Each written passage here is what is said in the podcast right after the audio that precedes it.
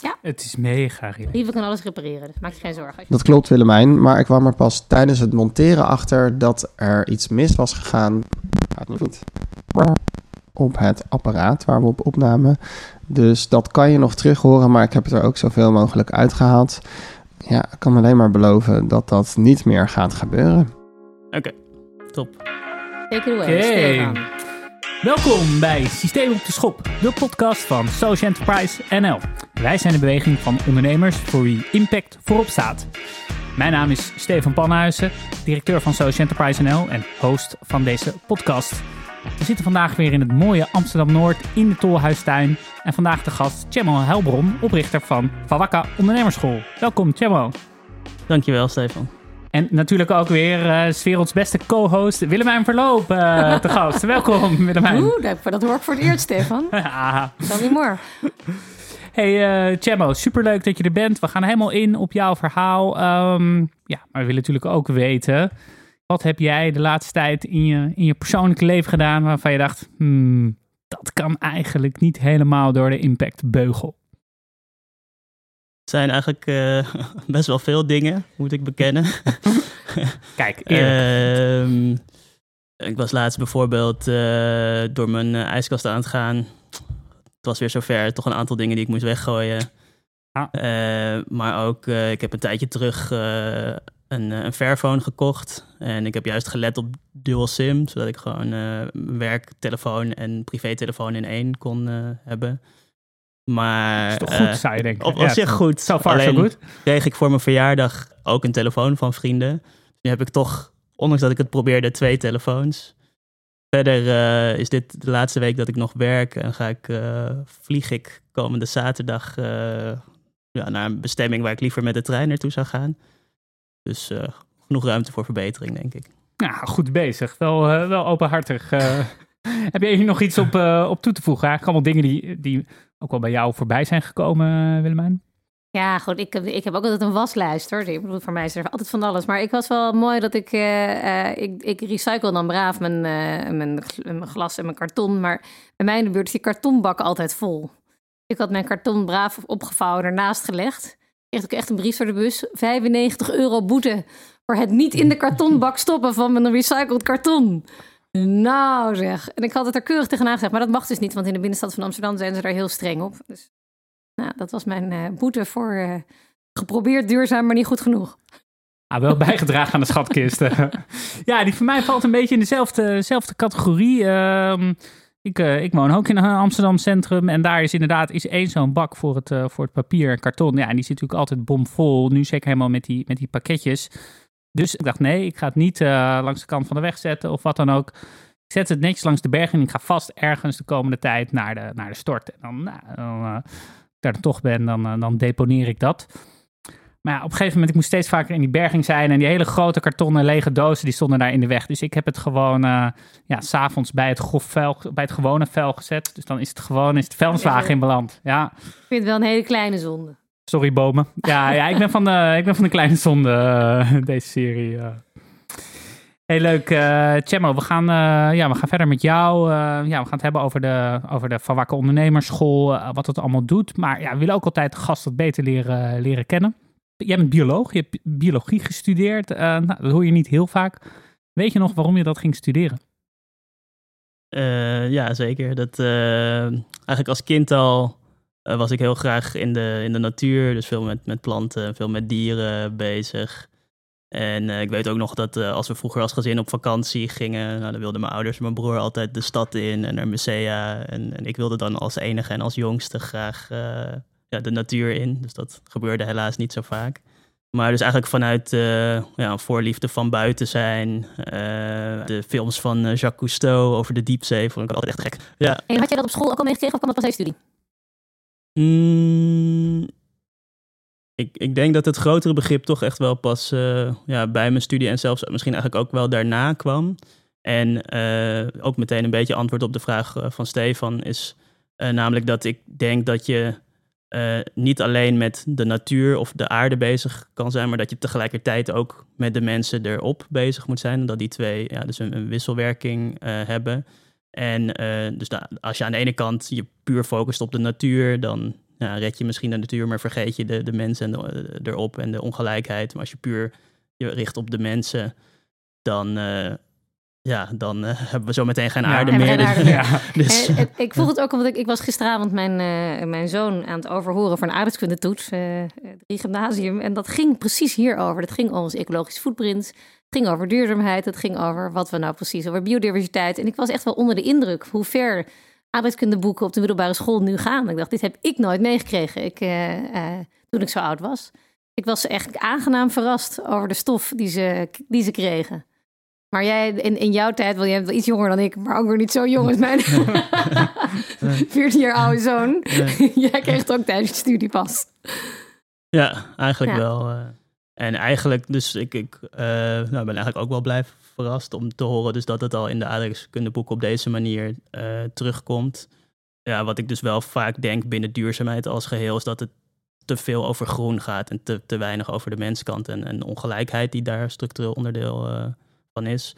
Maar eigenlijk denk ik dat, ja, dat we niet vroeg genoeg kunnen beginnen. Dus dat, eigenlijk hoop ik dat dit ook al in het primair onderwijs en nou, misschien daarvoor al, ja, dat kinderen daarmee in contact komen. Want dat is denk ik wel wat echt nodig is om ja, de uitdagingen waar we als aarde en mensen voor staan, om die ja, te kunnen tackelen, dan moeten dingen gewoon radicaal anders. En dat begint gewoon zo jong mogelijk. Daar heb jij je missie van gemaakt. Exact, want uh, misschien, hè, je bent dus uh, oprichter van de Fawaka Ondernemerschool. Voor mensen die het niet kennen, wat, uh, ja, wat doen jullie? Wat, wat, wat beogen jullie? en hoe doen jullie dat? Nou, we ontwikkelen programma's over duurzaam ondernemen voor kinderen en jongeren. En dat gaat aan de ene kant over ondernemerschap en ondernemerschapsvaardigheden. Dus creatief denken, oplossingsgericht denken, samenwerken, doorzettingsvermogen. Eigenlijk gecombineerd met duurzaam gedrag. Dus positief handelen naar mens en milieu. En uh, nou, eh, diversiteit en inclusie is ook voor ons heel erg belangrijk.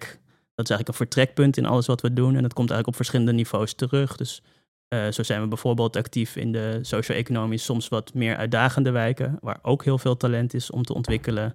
Maar ook in de mensen waarmee. je bewust op hoe, hoe Ehm, nou, eigenlijk op verschillende manieren. Dus uh, we, zijn, we zijn begonnen als, als zomerschool in Amsterdam Zuidoost. En eigenlijk vanuit daar uh, steeds meer met eigenlijk door de hele stad gaan samenwerken. met, met scholen, met welzijnsorganisaties. Op een gegeven moment zijn we ook samengewerkt met partijen in Rotterdam. En eigenlijk steeds meer ja, zo ook landelijk gegaan, ook internationaal trouwens. We hebben ook een project met SOS Kinderdorp in Indonesië gedaan. Waar staat Favaka voor? Uh, uh, komt uit de Surinaamse taal. Dus eigenlijk betekent het letterlijk hoe loopt het. En uh, het wordt veel in straattaal gebruikt. Misschien hoor je soms Vakka of Wawaka. En dan zegt hij het ah, rustig, mide. En, en, en eigenlijk was het idee ook om, om Wawaka ja, een beetje als een soort geuzennaam of zo te ge gebruiken.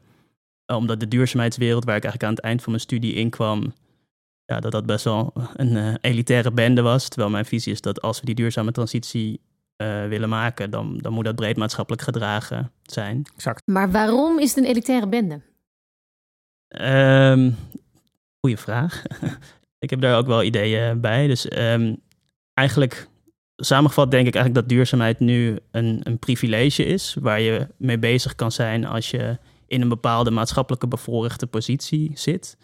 Dus dat uh, eigenlijk dus dat je kans hebt gehad om een, ja, of een bepaald opleidingsniveau hebt gedaan, dat je een bepaalde uh, ja, portemonnee uh, hebt, dat je ook eigenlijk bijna, even simpel gezegd, zo weinig problemen hebt dat je met zoiets groots en ver van je bed, wat het toch eigenlijk ten opzichte van het dagelijks leven is, bezig kan zijn als duurzaamheid. En dus eigenlijk denk ik dat het een gevolg is, dat eigenlijk het gebrek van de diversiteit in duurzaamheid van bepaalde maatschappelijke ja, situaties. En dus ook nog steeds omdat het eigenlijk te ver van ons bed is. Ja, als het gaat over dus een baan vinden en gediscrimineerd worden of ja. van de wereld redden. iedere dag last van en, en van de problemen die het klimaat die op ons afkomen, hebben we nog niet iedere dag last. Simpel gezegd Dat wel. Is, ja. maar het, het, is mooi omschreven en ik, ik herken heel erg wat je zegt hoor. Dus ik stel alleen de vraag omdat ik me ook altijd afvraag hoe dat nou komt. En uh, ik, ik geloof heel erg dat je antwoord klopt. Ik denk inderdaad dat het, uh, uh, het wel mooi is, want activisme komt uiteindelijk uit alle lagen van de bevolking, alle opleidingsniveaus, alle leeftijden. En ehm, als we het dan hebben over actief, als je activisme op duurzaamheid, zie je dat dan als je naar jongeren kijkt, want dat weet jij beter dan wij, dat je het activisme op duurzaamheid bij jongeren ook weer met name ziet bij jongeren die dat dan meekrijgen eh, van ouders die wel de luxe hebben om zich met verwegproblemen bezig te houden? Of Of is dat nu al aan het veranderen misschien? Ik denk, eh, ja. Ja, ik, ik denk dat het aan het veranderen is. En sowieso zijn er altijd voorbeelden geweest. Die worden dan vervolgens niet al. Die, ja, die vinden dan misschien niet de mainstream eh, eh, media soms. Die krijgen misschien niet het platform, omdat er bepaalde netwerken weer achter zitten die hen eh, niet weten Heb je te daar een vinden. voorbeeld van dat je denkt van, ah, dat is zo zonde dat dit initiatief, dit persoon eigenlijk niet het podium krijgt dat hij of haar verdient? Ehm, ja, ik, ik denk eigenlijk dat ik het dan toch moet hebben over een andere organisatie waar ik oorspronkelijk mee begonnen ben. En die organisatie die heet Fawaka Nederland. Ja? En dat was, eh, of is, een, een, eh, een platform gericht op jonge, duurzame rolmodellen. En eigenlijk op de verhalen achter jonge, duurzame rolmodellen. Maar dan van alle opleidingsniveaus, alle culturele achtergronden, stad, platteland. Gewoon de volle diversiteit dus die Nederland eh, rijk is. Om eigenlijk juist de verhalen te vertellen die vaak gemist worden. En ook te breken met bepaalde vooroordelen die er zijn over dat ze er niet zijn of zo. heb je een leuk voorbeeld daarvan? Van iemand die je hebt ontmoet die eh, daar heel mooi die jou heeft geraakt? Ja, dus ik, ik moet toch eigenlijk meteen denken aan het eh, toen ik zelf nog de interviews deed. Want eigenlijk een van de redenen waarom ik toen met dat platform was begonnen, was ook om gewoon dat ik gewoon inspirerende mensen uit mijn omgeving zag. En, en sommige mensen dachten van, oh, die wil ik in- interviewen en gewoon eh, daar alle vragen die ik wil eh, kunnen stellen, daar stellen. Maar ik moet nu denken aan, eh, dus eigenlijk een van de eerste personen die ik interviewde, dat is Princess. En zij eh, is een Prinses als in prinses. ja, en zij dat ging eigenlijk over haar eigen ontdekkingstocht en zoektocht. Dus toen ze erachter kwam dat plastic, hoe slecht dat was. En ze schreef eigenlijk blogs, of ze nam eigenlijk haar hele omgeving mee in die, eh, in die zoektocht. En eh, dus wat leuk was om te zien, is dat het ja, buiten het gewoon eh, zo min mogelijk plastic gebruiken. Dus dat het allemaal andere neveneffecten had. Dus dat ze opeens ook merkte dat ze gezonder ging eten. Omdat ja, veel van die ja, van, van voorgeproduceerde Ja. dingen, dat kon toen opeens niet meer. En ik in der tijd vond dit al een heel inspirerend voorbeeld. En, en heel erg dicht ja, bij mezelf. En dat zag ik ook eigenlijk bij mensen in de omgeving. Maar zo'n verhaal als dat van haar, ja, dat, dat werd toch niet eh, zo snel eh, gezien. Dus dacht ik dan. eh, hoe oud was. Princess? Ehm, ik denk dat ze misschien begin twintig was of zo toen. eh, We gaan het in, eh, we gaan het in de show notes eh, zetten, als we dat eh, zo goed doen. Zodat iedereen nou ja, eh, dat kan volgen. Hey, ik wil nog even terug naar het onderwijs. Want eigenlijk, als ik het goed begrijp, is jullie, jullie visie, ja, nou, daar moet het veranderen. Daar moet het gebeuren. Willen we dat nou ja, we uiteindelijk beter omgaan met de aarde en de mensen die daarop leven. Gebeurt dat niet al genoeg? nou, in eerste instantie zou ik toch nog even willen aanvullen dat ik wel meer zou willen veranderen dan het, dan het onderwijs. Want ik denk dat, eh, dat een heel economisch systeem, wat dus eh, uitgaat van consumeren, consumeren, eh, consumeren, waarbij je dus drie of vier aardes nodig hebt, wil je iedereen op eenzelfde manier laten leven als hier in Nederland. Nou, dat daar ook wel werk aan de winkel is om daar dingen in te veranderen. Tegelijkertijd denk ik dus het onderwijs is, eh, staat ontzettend onder druk. Ze hebben het heel zwaar. Eh, er wordt van alles van het onderwijs Ja. verwacht. wordt mm, nou, weinig structureel in geïnvesteerd. Eh, ja, dus de dingen die nodig zijn, ja, die, die, het is gewoon heel uitdagend En eigenlijk. dan voor... moeten ze ook nog met duurzaam ondernemen aan de slag. Ja, ja, precies. Dus daarom zou ik zou, zeg maar systeem op de schop. Ja. dus er moeten dingen veranderen, maar om dat soort van zo bij het onderwijs neer te leggen, dat lijkt me ja, weinig eerlijk. En eh, tegelijkertijd denk ik, als je kijkt naar waar we als wereld voor staan, ja, dan maak ik me ook als ecoloog best wel grote zorgen. Ehm, en dus om radicale verandering te brengen, ja, moeten we gewoon zo vroeg mogelijk beginnen. En dat begint ja, in, het, in het primair onderwijs, wat mij betreft.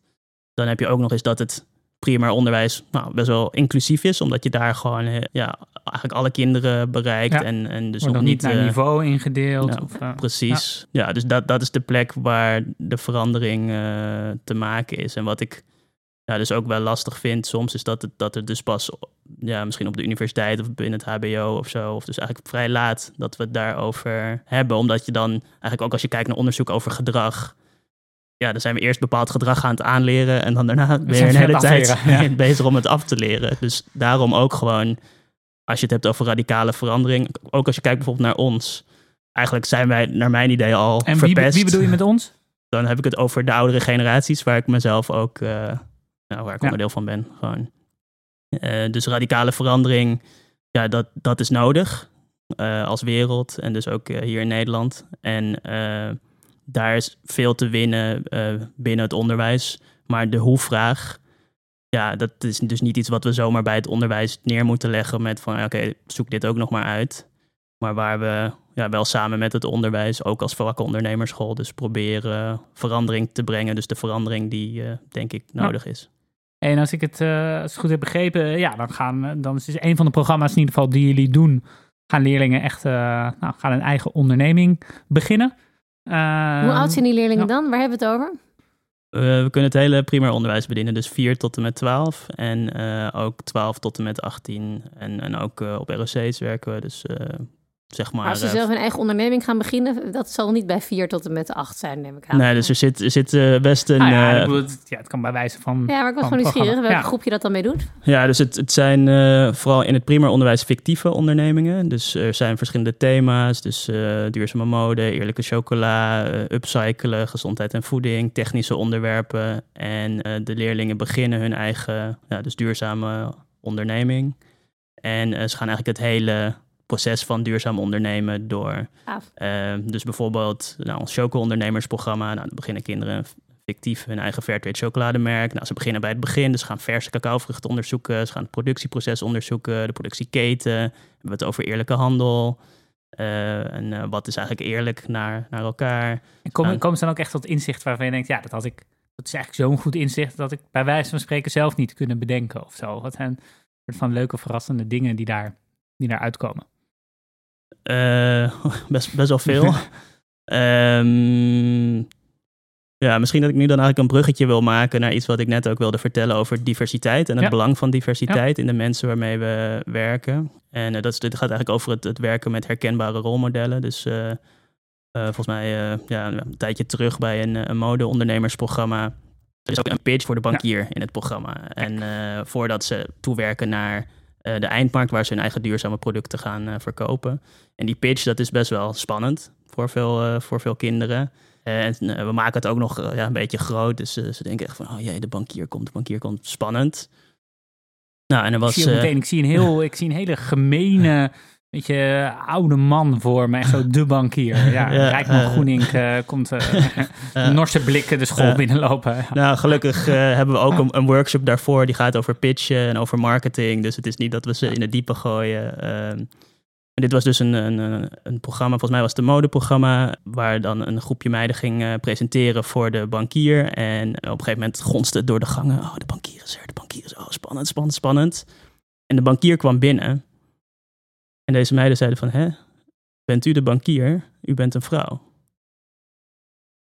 En ik had ook dit was, in mijn hoofd. Ja, nee. nou, nou, dus uh, eigenlijk wat dit, wat mij betreft, laat zien, is dus het belang van, van herkenbare rolmodellen. Want dit was, we werken samen met Triodos Bank. Dit was ook iemand die werkte bij Triodos Bank. Dus zij ging met deze meiden het gesprek aan van ja, als meisje of als vrouw, ja, zeker kan je bankier zijn. En eigenlijk dus na zo'n ontmoeting is het hele perspectief van deze meiden verbreed. Ja, dus ik denk dat dat wel echt uh, impact is. Zeker, zeker. En volgens mij zijn jullie ook bezig ja, om, om ook wel na te denken van, hè, want je zegt dit, dit is impact en dat, dat geloof ik meteen, maar je zou daar op een of andere manier, je zou misschien wel die leerlingen tien jaar lang willen volgen of zo, en te kijken wat gebeurt er en, en, en is het, ja, maken ze dan ook over tien jaar andere keuzes of zo. Uh, ja, zijn jullie ook daarover aan het nadenken om, uh, om echt een soort lange termijn effecten in kaart te, te brengen? Ja, ja, zeker. Daar zijn we ook mee bezig. Nou, dus sowieso, dus wat ik net vertel, dat is een voorbeeld. En je hebt gewoon ja, ja, honderden, ja. honderden voorbeelden. En je ziet het op allerlei manieren. En je hoort het van de kinderen, je hoort het van de ouders, je hoort het van de, de leerkrachten, je hoort het van nou, gewoon eigenlijk van iedereen. Dus dat er verandering plaatsvindt. Positieve verandering. Dus dat is heel erg mooi. Ehm, tegelijkertijd ja, zijn we ook kritisch naar onszelf en willen we ook verbeteren. Dus willen we ook dan meer in kaart brengen van wat leren de kinderen dan precies en wat leren ze misschien ook nog niet of waar is ruimte voor verbetering. En uh, we zijn nu uh, samen met de Hogeschool van Amsterdam, het lectoraat ondernemen en Amsterdam Impact bezig met een onderzoek naar de leeropbrengsten van onze programma's. Dan gaan we echt meer in detail kijken wat de kinderen ja, meekrijgen. en tegelijkertijd waar ik ook heel blij mee ben. Uh, ja, stel dat heel Nederland verandert, dat is natuurlijk leuk, maar er is natuurlijk ook een wereld en daar moeten ook, uh, mijn inziens in ieder geval, dus dingen anders. We zijn ook tegelijkertijd bezig eigenlijk met het opzetten van een internationaal onderzoeksconsortium uh, met verschillende kennisinstellingen, verschillende uitvoerende partijen, eigenlijk over de hele wereld. En uh, ook om van elkaar te leren, uh, ja, best practices uh, te zien, dingen uit te wisselen. Want dit soort programma's zie je wereldwijd. Eigenlijk echt dus duurzaam ondernemen vanuit diversiteit en inclusie als vertrekpunt op deze leeftijd. Ik heb het nog niet gezien. Ik weet wel, in Schotland veel gebeurt, maar dat, dat is dan meer echt vanuit een soort social enterprise gedachte. Dus ik, ik weet niet hoe ze dit soort van ja, diversiteit, inclusie gedachte um, daarin doen. Maar ik weet dat, dat daar op, op inderdaad ook al basisscholen ze wel mooie, mooie programma's hebben. Ja. In Italië ook gebeurt een en ander. Ja, dus er gebeurt zeker wel wat, maar ja, soort van, zoals wij dat van, uh, invullen, ben ik nog niet tegengekomen. Hey, ik zat te denken, wat nou als ik, ik ben uh, ouder, ik luister deze podcast, uh, mijn zus luistert deze podcast af en toe, die heeft ook kinderen, die denkt, ja, ik, ik wil ook zo'n programma op, ja, op de school van mijn kinderen. Wat moeten ze dan doen? Hoe, hoe werkt dat? nou, er zijn verschillende manieren. Ik denk dat uh, is praten met de leerkracht of eigenlijk beter met uh, de directeur een, een goede is om het onder de aandacht te brengen. verder doen we ook bijvoorbeeld naschoolse activiteiten. Dus dan heb je tekenles, balletles en modeondernemers, bij wijze van. En dat dus doen jullie dan met, met buitenschoolse opvang? Ja, met, het wisselt eigenlijk een beetje per stad of per plek. Uh, maar dus soms met welzijnsorganisaties, soms uh, ja, zijn er uh, meer ja, aan de gemeente geleerde organisaties ja. of toch via de school. We moeten een beetje geluk hebben dat jullie al in een samenwerkingsverband werken in de buurt waar ze zitten. Want je hebt nog niet de capaciteit, neem ik aan, om overal in Nederland uit te rukken. Nee, maar uit te rollen. Nee, nee, klopt. We zitten inmiddels toch best wel verspreid over het hele land. Echt, maar er zijn inderdaad best wel wat logistieke uitdagingen. En eigenlijk waar we nu ook aan werken, is die uitdagingen tegen te gaan. Dus we, hebben, uh, we werken bijvoorbeeld aan een uh, online portaal waar de content die we ontwikkelen op te vinden is, waar ook uh, trainingsvideo's zijn. Eigenlijk zodat we mensen kunnen trainen als leerkracht of als iemand buiten het onderwijs om zelf de programma's te geven. Hey, misschien ook nog, jullie zijn ook, jullie zijn ook gewoon een, een bedrijf, een, een sociale onderneming. Um, ja, hoe, hoe, gaat het uh, bedrijfsmatig met, met de Van Ondernemerschool? Uh, op zich ja, ook wel goed, gelukkig. Um, dus wat, wat heel leuk is, is dat we deze zomer bijvoorbeeld de zomerschool VO van Amsterdam uh, gaan organiseren. 500, 600 leerlingen verspreid Moet je even uitleggen, hoe, uh, wat is dat? nou, dus je hebt, je hebt natuurlijk het schooljaar en je hebt ook soms zomerscholen. Dit kan gaan over talentontwikkeling, kan ook gaan over het bijspijkeren van, van het curriculum. En ja, dus je hebt ook wat kleinere en wat grotere. En dus dit is een, een hele ja, grote zomerschool dus van, uh, in Amsterdam. Ja. Dus dat is, dat is dan uh, nou, gewoon wel echt een leuke opdracht die ook uh, stabiliteit brengt. Verder werken we ook steeds meer structureel met scholen die vaak kampen met het lerarentekort en een bepaalde inhoudelijke kennis missen. En dan ja, werk je eigenlijk jaar rond. Want eigenlijk de, de school is jullie klant over het algemeen. Even in uh, ondernemings... Uh, ja, ja, of dus een welzijnsorganisatie, ja, of een, uh, zoals je net zegt. Er zijn eigenlijk meerdere. Maar een, het is meestal een, een semi-publiek of een publieke instelling. Nou, het is, het is eigenlijk nog wel breder dan dat. Want we dus ja, inderdaad welzijnsorganisaties voor naschoolse activiteiten, scholen voor programma's onder schooltijd. maar bijvoorbeeld ook soms de gemeente die een zomerschool financiert. Maar we hebben ook commerciële partijen die eigenlijk ja, vanuit een CSR of het goede van hun hart iets willen terugdoen voor kinderen in de wijk. Stellen dan soms hun kantoor open. Die financieren dan programma's voor kinderen uit gezinnen met weinig leefgeld. Ja. We doen ook uh, ja, mee met, met prijsvragen. We, we denken ook uh, voor dat platform aan een, uh, een abonnementenmodel. Dus nou, we zijn bezig met een productstrategie. zijn nog is best wel best veel. Best een, best een experimenteren. hoop Ja. tegelijk. Nou, en Ja. ik weet wel dat, dat scholen zijn natuurlijk notoire hele lastige klanten.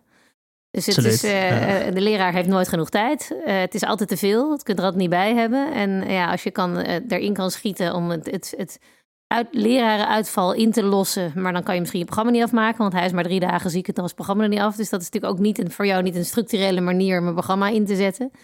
Dus hoe ga je daarmee om? Want dat ik, ik bedoel, ik ken ontzettend veel bijzondere, impactvolle initiatieven die met kinderen, of het nou gaat over 21st century skills, of het gaat over financiële wijsheid, of het gaat over klimaat. Het is, er is nooit tijd. Dus dan ga je eh, dus op heel veel andere manieren proberen die doelgroep te bereiken. En daardoor maak je een heel complex businessmodel, omdat je op honderd manieren daar bij de kinderen moet komen. Klopt dat wat ik zeg? Of maak ik het Ja, sla ik het ja, laten we het in ieder geval dus over dat het... eh, Is het een positieve Lastig. of een negatieve insteek? Het is, het is lastig samenwerken met Ja. eh, scholen. Dat is, dat is zeker zo. Dus omdat ons businessmodel zo divers is, geeft het ook ons een bepaalde weerbaarheid. Dus dat is dan wel weer de, de positieve kant eh, daarvan.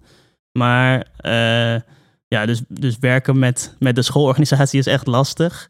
En eh, uiteindelijk als je het hebt over binnenschools, dan eh, moet je soms eerst op het niveau van het bestuur gaan praten, dan op het niveau van de directie. Dan moet je misschien nog een keer het leerkrachtenteam meekrijgen, zodat die ook enthousiast zijn. En eh, dan heb je ook nog een soort van het, het stramien van het jaar. Dus in april, mei Ja, worden eigenlijk ja. de plannen van het volgend jaar al helemaal dichtgetimmerd. Ja. En daarna kan je een beetje in de marge nog wat doen. Maar onder andere daarom eh, zijn we nu ook eh, steeds meer in gesprek met gemeentes. Die ook eh, met verschillende onderwerpen binnen duurzaamheid bezig zijn. eh, om daar zijn flexibel, handelen snel en hebben geld eh, als water natuurlijk. Nooit van kastje muur. Eh, Nee, ook we, ja. we- we maken jouw businessmodel te ingewikkeld, want volgens mij hebben jullie het hartstikke goed op orde. Nee, maar het is, het is bijzonder, want je pakt een doelgroep die, eh, die super belangrijk is, maar die moeizaam te bereiken is. Er- Ja. ja, dat lijkt me voor jullie wel lastig, want je Ja. zou natuurlijk, er zijn genoeg ouders en kinderen die dit super leuk zouden vinden, maar Ja. eh, het Ja. bij ze binnenkrijgen. Ja, dus wat, wat je eh, ook ziet is dus dat het echt gaat over het echte pijnpunt vinden bij de scholen. En, ehm, en dat laat wat mij betreft ook wel wat zien over wat we met ons onderwijs doen en eigenlijk hoe slecht we daarmee omgaan. Dus eigenlijk het pijnpunt bij heel veel scholen waar wij actief zijn is lerarentekort. En ehm, dus gewoon iemand die, die iets kan voor, voor de klas. En het is heel erg de, het, het rennen de hele tijd van ene brandje blussen naar andere brandje blussen. En ja, dus super druk op de leerkrachten en dan valt er iemand uit. En hoe los je dat dan op? Ehm, tegelijkertijd worden scholen bestookt door allerlei mensen die allemaal hele goede bedoelingen hebben en soms kwaliteit kunnen leveren, soms niet. Ja, maar goed, het is dus eigenlijk de hele tijd rennen. Dus eh, om echt structurele samenwerking met scholen op te bouwen en vooral dus eh, binnen te komen bij scholen is echt lastig. Eh, zelfs als ze ook onderkennen van, eh, oké, de, de, de thematiek waar jullie mee bezig zijn is heel belangrijk. Maar wat bijvoorbeeld wel interessant is, we hebben ook een, een, een tweede tak. Dus we hebben Verwakka Ondernemersschool, we hebben Verwakka Wereldburgerschap. En voor wereldburgerschap zien we eigenlijk wel dat daar wat dingen veranderen. Er is namelijk net een, een nieuwe wet aangenomen die iedere school verplicht om eh, bezig te zijn met burgerschap. Ja. En niet alleen op het niveau van de leerlingen, maar ook de hele schoolorganisatie. En nou, wij zeggen dan eigenlijk van ja, burgerschap leuk, want je bent burger van je buurt en van Nederland. eh, maar tegelijkertijd zijn we ook wereldburgers. Dat laat zoiets als corona en de duurzaamheidscrisis laat dat ook zien. Eh, dus buiten burgerschap zou je eigenlijk ook moeten praten over wereldburgerschap. En met die nieuwe wet zie je opeens wel dat er dus ja, misschien een nieuw pijnpunt eigenlijk is gecreëerd voor scholen. Want ze moeten nog Ja, weer moeten iets. Maar dat, het Ja. wel, dat er wel meer beweging eh, in komt. Want wat dat betreft, burgerschap, nou, daar re- rekent zo meteen de onderwijsinspectie de scholen op af. Terwijl duurzaam ondernemen of duurzaamheid, Nou, nog ja, niet. leuk. Maar, maar ja. En zou dat moeten, denk jij? Zeg je van, eh ja, ik vind dat lastig. Want dus zo Enterprise.nl, zet je lobbypijlen op dat onderwijs. Het sociaal ondernemen, eh, neem het op in het eh Als- curriculum. als het gebeurt, dus ik, ik, ik denk dat het, dat het moet. Als maatschappij denk ik dat we die kant op moeten gaan. Maar het moet niet iets zijn wat wij het onderwijs opleggen. Dus het Ja, moet sowieso samen met het onderwijs. En wat dat betreft denk ik, als je dan eenmaal daarover gaat praten... dan moet je een gesprek hebben met het onderwijs... over hoe we echt structurele verandering, verbetering kunnen krijgen binnen het onderwijs. Dus dan wordt het meteen een, eh, een heel groot gesprek. Dus, dus Ja, simpel ja. een wet aannemen van eh, duurzaamheid verplichten binnen het onderwijs... dat lijkt me geen goed idee. Nou, helder, helder.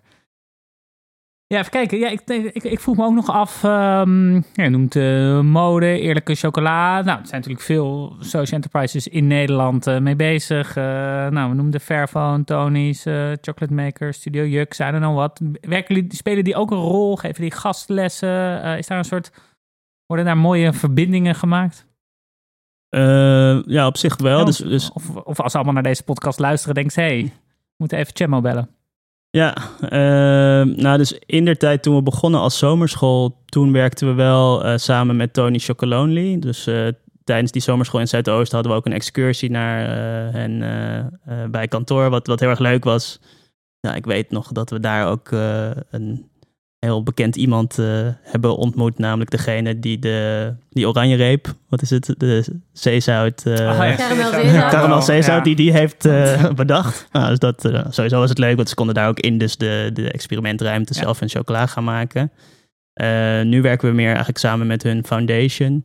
Ik had, heb op een gegeven moment ook wel een idee gehad om eigenlijk per eh, thema, per type programma, dus een soort corporate partner die dan ook naam geeft aan soort van de programma's aan die, die van dat thema Ja. te, te koppelen. Ehm, maar dus nu is, Zijn zijn de de sa- scholen dan weer moeilijk, hè? Want dan wordt het weer gezien als sluikreclame. Dus dat kom, je- Zeker, kom je weer niet meer zeker, weg. zeker. Nee, dus er zitten, daar zaten Ja. in ieder geval allerlei haken en ogen aan. Eh, dus wat we nu doen met sommige bedrijven is dus dat hun mensen eh, workshops geven, pitchen, marketing, eh, ja, budgetteren in onze programma's. Maar op zich nog niet dat we echt met de, ja, de toonaangevende social enterprises eh, samenwerken. En wat is die droom? Maar waar, waar sta je over? Nou, ik vind altijd verder dan, bedoel, laat maar gewoon even drie jaar. Ik bedoel, er is de droom over 30 jaar is ook leuk. Maar waar ben je over drie jaar? Wat, wanneer ben je happy over drie jaar? eh lastig ding is, maar dat is meer persoonlijk dat ik niet zo snel eh, happy word, omdat ik gewoon heel zelfkritisch ben en gewoon heel ambitieus. Eh, en ook omdat ik een bepaalde drang voel dat er verandering moet komen.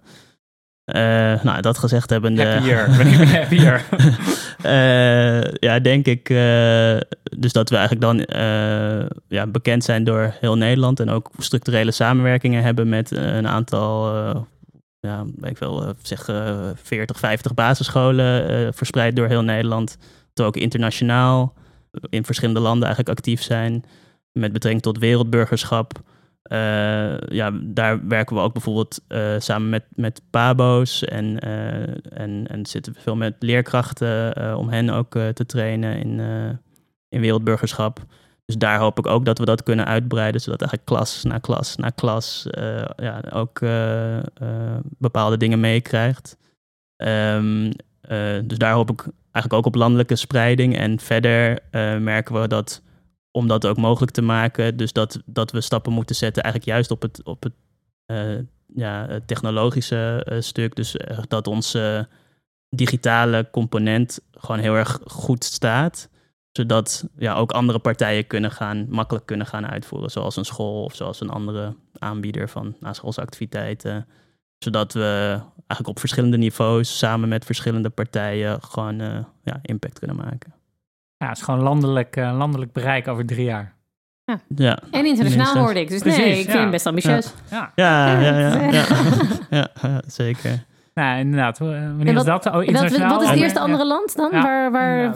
Eh, nou, dus we hebben in Indonesië hebben we een, een en ander gedaan. We zijn nu aan het kijken naar België, ook omdat dat eh, gedeeltelijk Nederlandstalig is. We zijn eh, aan het kijken naar Ghana, eh, eh, samen met de Chocolonely Foundation. En wat misschien ook nog wel leuk is om te noemen, is dat ik ook in een, eh, een soort adviescommissie voor de EU-president eh, zit, von der Ja. Leyen. En eh, dus dat dat heel erg high level gaat over de, de, de Green Deal, de European Green Deal.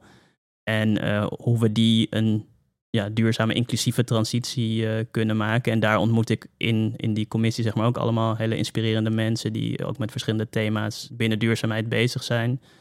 Dus eh, ja, ik heb er de tijd nog niet helemaal voor gevonden, maar eh, het lijkt me ook leuk om te onderzoeken met, met die mensen waar, eh, ja, waar we ook eh, naar andere landen kunnen gaan. Gaaf. Maar je bent zelf natuurlijk ook Ja. een rolmodel. We hadden het net even over rolmodellen, maar je stond al een aantal jaar geleden in het duur, de jonge duurzame 100 volgens mij. En eh, regelmatig in de media. En hoe wil je dat, die rol ook zelf groter pakken? Nee, totaal niet. Nee, Nee? Eigenlijk, eigenlijk denk ik dat dat, dat, dat eh, nodig was in der tijd. Of tenminste, of dat ik dacht dat dat nodig was om gewoon eh, ja, dus exposure te genereren voor de dingen die, die we doen.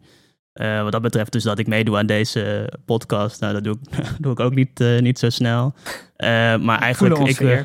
ja dat is fijn. Ik, dus ik hou niet echt van op het podium staan. En ik zie wel dus een soort van de strategische waarde van dat het soms deuren opent. Maar als ik zelf mocht kiezen, dan zou ik niet echt meer bij publieke dingen zijn. Dan zou maar iemand dan zou anders je waarschijnlijk niet gekozen worden om uh, Van der Leyen te adviseren. Dus het een heeft vaak wel effect voor het ander, toch? Absoluut, absoluut. Ja, zeker. Dus dat is een persoonlijke soort van strijd. van aan de ene kant als ja, toch een beetje ja, timide, verlegen persoon op een bepaalde manier. Maar toch met bepaalde idealen die ik ook echt wil verwezenlijken ja, daar een beetje in schipperen. Maar de laatste tijd, eigenlijk denk ik dat in het begin dat ik heel erg bezig was. Dus juist met wel dat podium pakken eh, op verschillende plekken.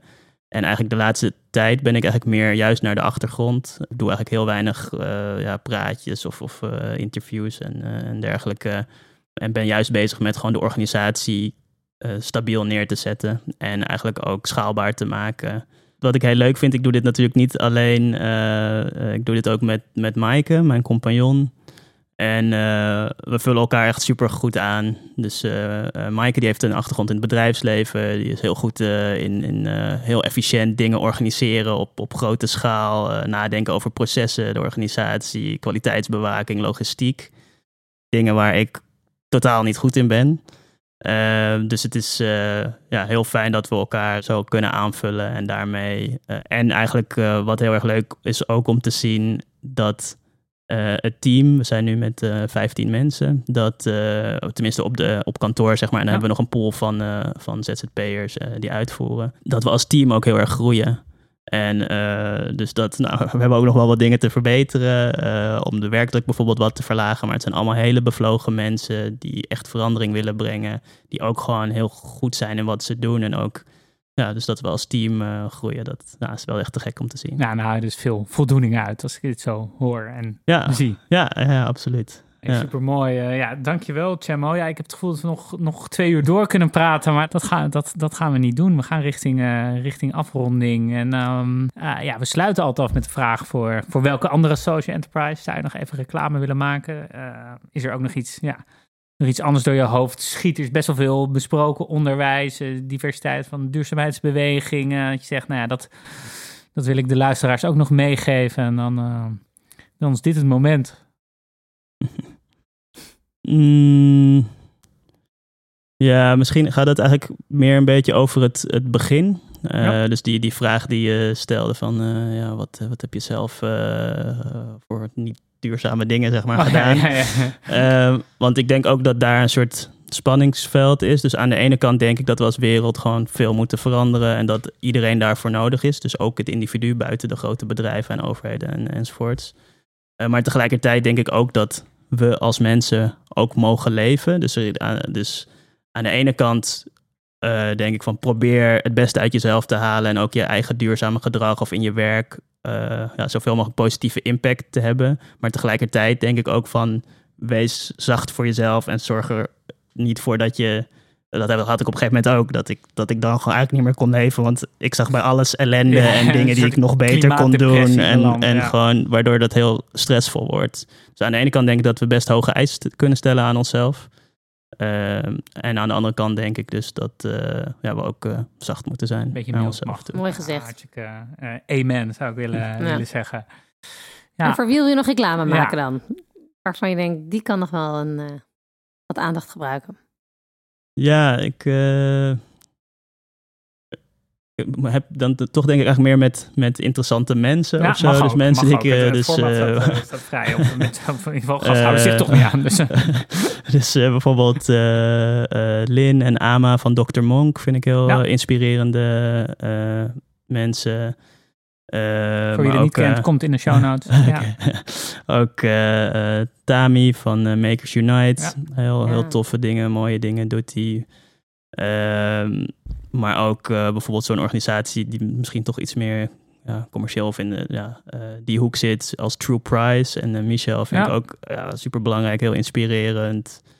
Uh, Roepjem van Sungevity doet ook gewoon mooie dingen. Vind ik zelf ook als ondernemer heel, heel inspirerend. Dus er zijn ja, een heleboel mooie mensen, gelukkig, die inspirerend zijn in mijn omgeving.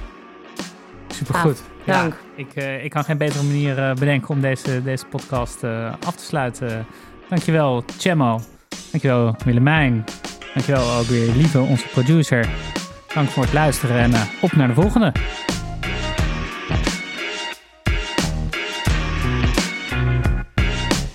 Shout out aan Mike. Die kan hier ook nog in klippen, hè?